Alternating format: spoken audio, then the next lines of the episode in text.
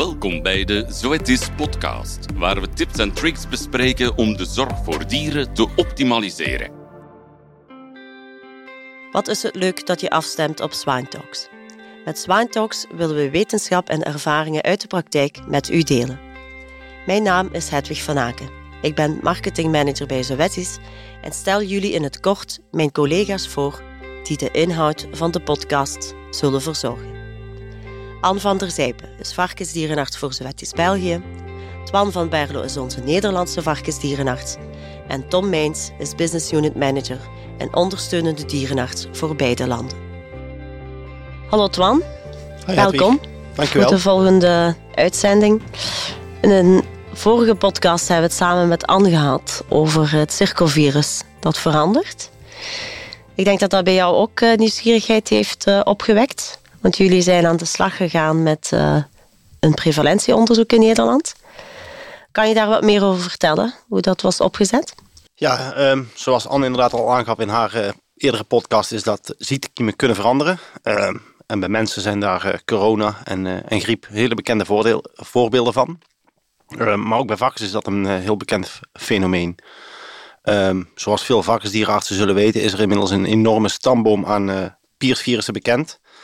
En ehm, ja, ook Circo is zo'n virus dat heel, eh, heel veranderlijk is. Ehm, het is gewoon ehm, omdat het klein is en het heeft geen DNA-proefreading, eh, kan het heel makkelijk veranderen.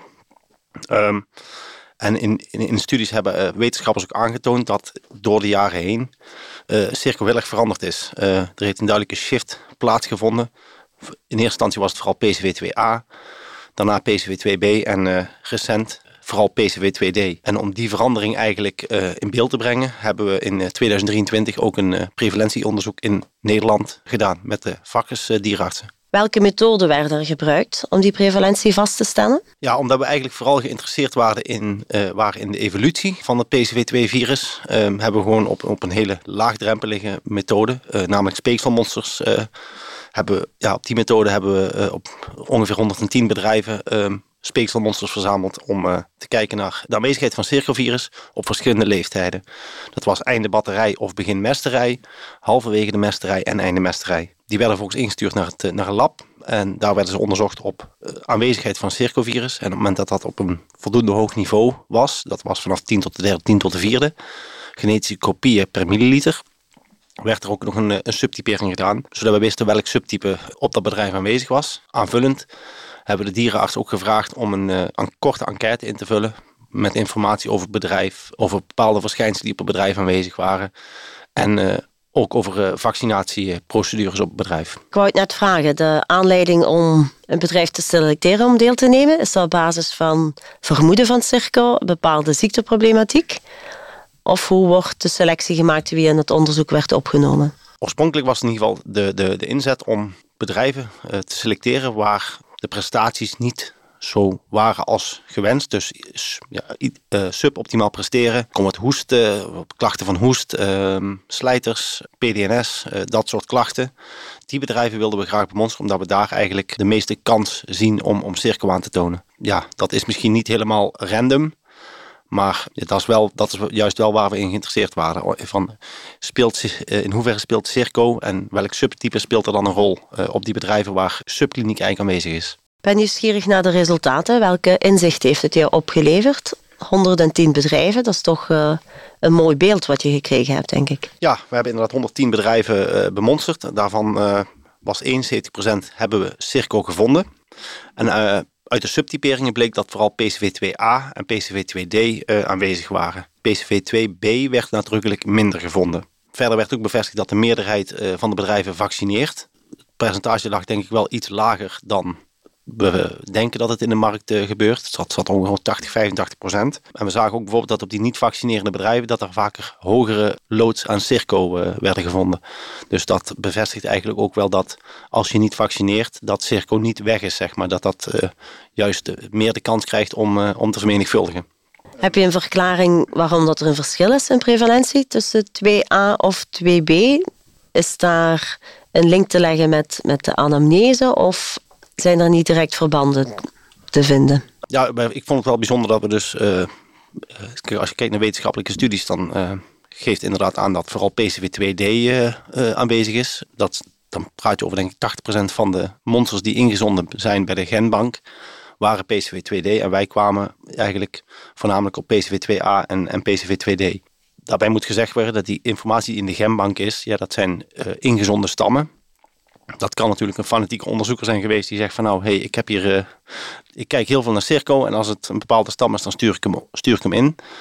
Anderzijds kan het ook zo zijn dat de data in de genbank eigenlijk representatief is voor samples waar wat kliniek is. Zeg maar. Dus waar, wat, waar toch wat problemen zijn, ondanks dat er toch gevaccineerd zou zijn. Dus dat zou ook een mogelijke verklaring kunnen zijn dat dat, zeg maar, de stammen die ingestuurd worden, dat dat vaker zijn, uh, stammen zijn die ondanks vaccinatie toch uh, problemen veroorzaken op bedrijven. Dat is niet één op één te zeggen, maar ja, dat, dat, daar ligt het een beetje tussen. Ofwel gewoon heel veel een, een fanatieke onderzoekers die heel veel insturen, als het een afwijkende stam is. Ofwel uh, bedrijven waar, monsters van bedrijven waar kliniek is. Dan spreek je eigenlijk over de algemene genbank en waar men instuurt, niet specifiek over dit prevalentieonderzoek, denk ik. Hè? Ja, ja, precies. Ja, ja, ja. Goed om dat even uit elkaar te halen. Want ik kan mij voorstellen, het is altijd een momentopname als je zo een uh, onderzoek doet op die bedrijven, ook voor die 110. Dat zo'n onderzoek eigenlijk meer betekenis krijgt als je het kan vergelijken met een ander moment. Dat je echt de evolutie kan zien. We hebben ook veel studies internationaal over circovirus evolueerd.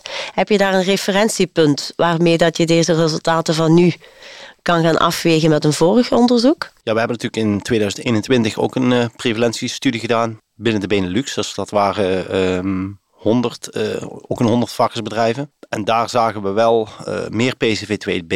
PCV2A was ongeveer vergelijkbaar en PCV2D, uh, ja, dus dat, dat was wat meer variabel. En nu zagen we dat PCV2B beduidend minder voorkwam en PCV2D en PCV2A ook ongeveer op gelijk niveau. Nu is PCV2B ligt veel dichter evolutionair gezien bij PCV2D. PCV2A en PCV2B liggen wat hebben er verder van elkaar af. Dus ja, dat er wat minder PCV2B en meer PCV2D gevonden wordt, dat zou ik niet heel vreemd vinden, zeg maar. Omdat zo'n virus ook op een bedrijf zal evolueren. Immuniteit is niet uh, steriel, zeg maar. Dus die, dat virus blijft aanwezig. En dat zal toch het virus dat het best kan blijven vermenigvuldigen in een koppel, die zal overleven. En ja, dat is uh, in dit geval uh, naar PCV2D, maar ook PCV2A zien we gewoon nog steeds uh, veel voorkomen. Ja, je ziet ook meer en meer bij humane geneeskunde dat men de prevalentie over de landen heen gaat in kaart brengen, om ook zo te weten wat er in andere regio's evolueert. Is er voor Circo ook onderzoeken bekend vanuit onze omringende landen? Ja, in, in Frankrijk en in Engeland en Denemarken hebben ook prevalentiestudies, hebben ook informatie over uh, stammen. In uh, Frankrijk en Denemarken zagen we dat in twee derde van de gevallen PCV2D werd gevonden. En ja, die, die, die verschillen tussen landen, ja, dat kan verklaard worden doordat er onder andere de selectie van de onderzochte bedrijven. Dus dat, ja, dat, dat, dat er variatie in zit, dat vind ik niet vreemd. Het, het geeft eigenlijk gewoon aan dat het, het circovirus gewoon heel veranderlijk is. Kan ik dan concluderen dat het uh, overal in al die landen wel meer en meer 2D wordt teruggevonden? Dat dat de meest dominante stam is die voorkomt? Ik vermoed wel dat, dat uh, de combinatie van wat we in andere landen zien met wat we internationaal in de genbak zien, maar ook wat we in Nederland zien, is dat PCV2D echt wel nog steeds in opkomst is. En nog, ja, dat PCV2B, PCV2A, dat we gewoon die wat, uh, dat, die, dat we die minder tegenkomen. Hoe kunnen varkensdierenartsen profiteren van deze resultaten van het onderzoek? Kunnen ze iets meenemen voor een dagdagelijkse praktijk hieruit? Deze studie bevestigt eigenlijk dat het virus blijft veranderen. Ik denk dat dierenartsen vooral scherp moeten zijn op uh, dat Circo echt een virus is om rekening mee te houden. Vaccineren helpt in de meeste gevallen om uh, kliniek te voorkomen. Echter, door de verandering van het virus kunnen ook subkliniek ja, kan, kan meer zichtbaar worden. Dan praat je over uh, dat de varkens misschien net wat minder presteren, iets meer slijters, iets minder uniformiteit bij, bij uh, slachten. En in die geval is het gewoon goed om, blijf er naar kijken, blijf dat monitoren. En pas je vaccinatiestrategie erop aan op het moment dat je denkt van nou, hey, hier uh, loopt het niet zo zoals ik zou willen. Hier kunnen we nog winst behalen. Dankjewel. En het volgende onderzoek verwacht ik dan in 2025, dat we dan uh, weer een vergelijk kunnen maken. Dat zou heel mooi zijn. En een van de dingen wat, ik wel heel interessant zou vinden. Uh, we hebben namelijk een aantal bedrijven van 2021 hebben ook in 2023 meegenomen. Alleen dat was niet, dat waren er maar een enkeling. Het zou mij heel interessant zijn om te zeggen van nou laten we in 2025 dezelfde bedrijven nog eens bemonsteren en eens kijken wat het virus, hoe het virus is geëvalueerd binnen het bedrijf. We danken u van harte voor het beluisteren van deze Swine Talks en verwelkomen u graag in een volgende episode. Deze vind je terug op www.sowettis.be of nl slash diersoort slash podcasts of op uw vertrouwde podcastkanaal.